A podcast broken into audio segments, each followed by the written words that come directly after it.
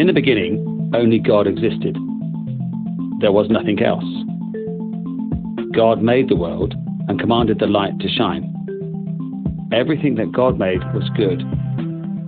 God made the first man from the dust of the earth and the first woman from the rib of man. He called them Adam and Eve. He gave them authority over everything he had made. God made a beautiful garden for them to live in. God spoke with them there. They were God's friends. But they sinned against God.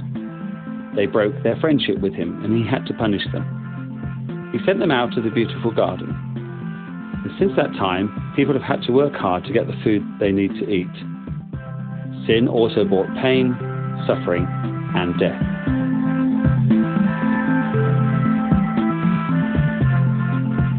Many years went by. An angel from heaven was sent to a young virgin named Mary. Mary was engaged to a man named Joseph. The angel told Mary that God was going to cause her to become pregnant without having contact with a man. He instructed Joseph and Mary to name the child Jesus, which means Saviour. In a very special way, God was the father of Jesus.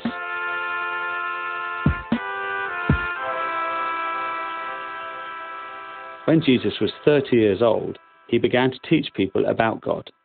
Many people believed in his teaching, and he became very well known. Jesus had great power from God to do miracles.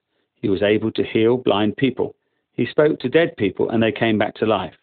He even walked on top of the sea. He did many great miracles in the presence of many people to prove that he was sent from God and has had authority from God. But there were influential religious leaders who were very jealous of Jesus. They told lies about Jesus and had him arrested. He was beaten. Soldiers placed a crown of thorns on his head and mocked him. The soldiers nailed Jesus to a wooden cross, and Jesus hung there until he died. When Jesus died, he paid for the sins of all people with his sinless blood.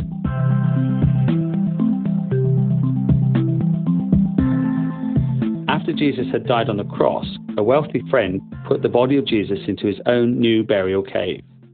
They closed the entrance to the cave with a large stone. On the third day, early in the morning, some women came to the cave to perform the proper burial customs. They were surprised to find the stone rolled away and Jesus was not there. They were even more surprised to see two angels who told them very clearly that Jesus had risen from the dead. For 40 days after Jesus rose from the dead, he appeared to people. Many people saw him and knew that he was alive. Now it was a time for Jesus to go back to heaven. He had finished the work he had come to do. As many of his followers watched, Jesus rose off the ground and went higher and higher until he went into a cloud and disappeared from their sight. Just then, two angels appeared. They told the disciples that Jesus would one day return in the same way that he left. Jesus is now in heaven, preparing a place for all those who will believe in and follow Jesus.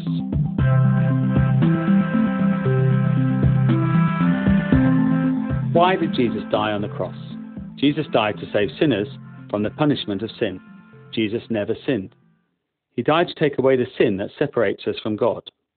When we believe in Jesus and turn from our sin, God forgives our sins. Jesus makes us God's children and his friends. One day the Lord Jesus will suddenly come back to earth again from heaven, just as he promised.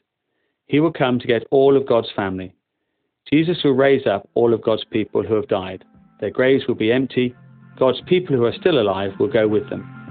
We will all meet the Lord Jesus in the air and stay with him forever. The unbelievers will be left behind to face the judgment of God. We do not know when Jesus will return, but we should be ready and waiting for him.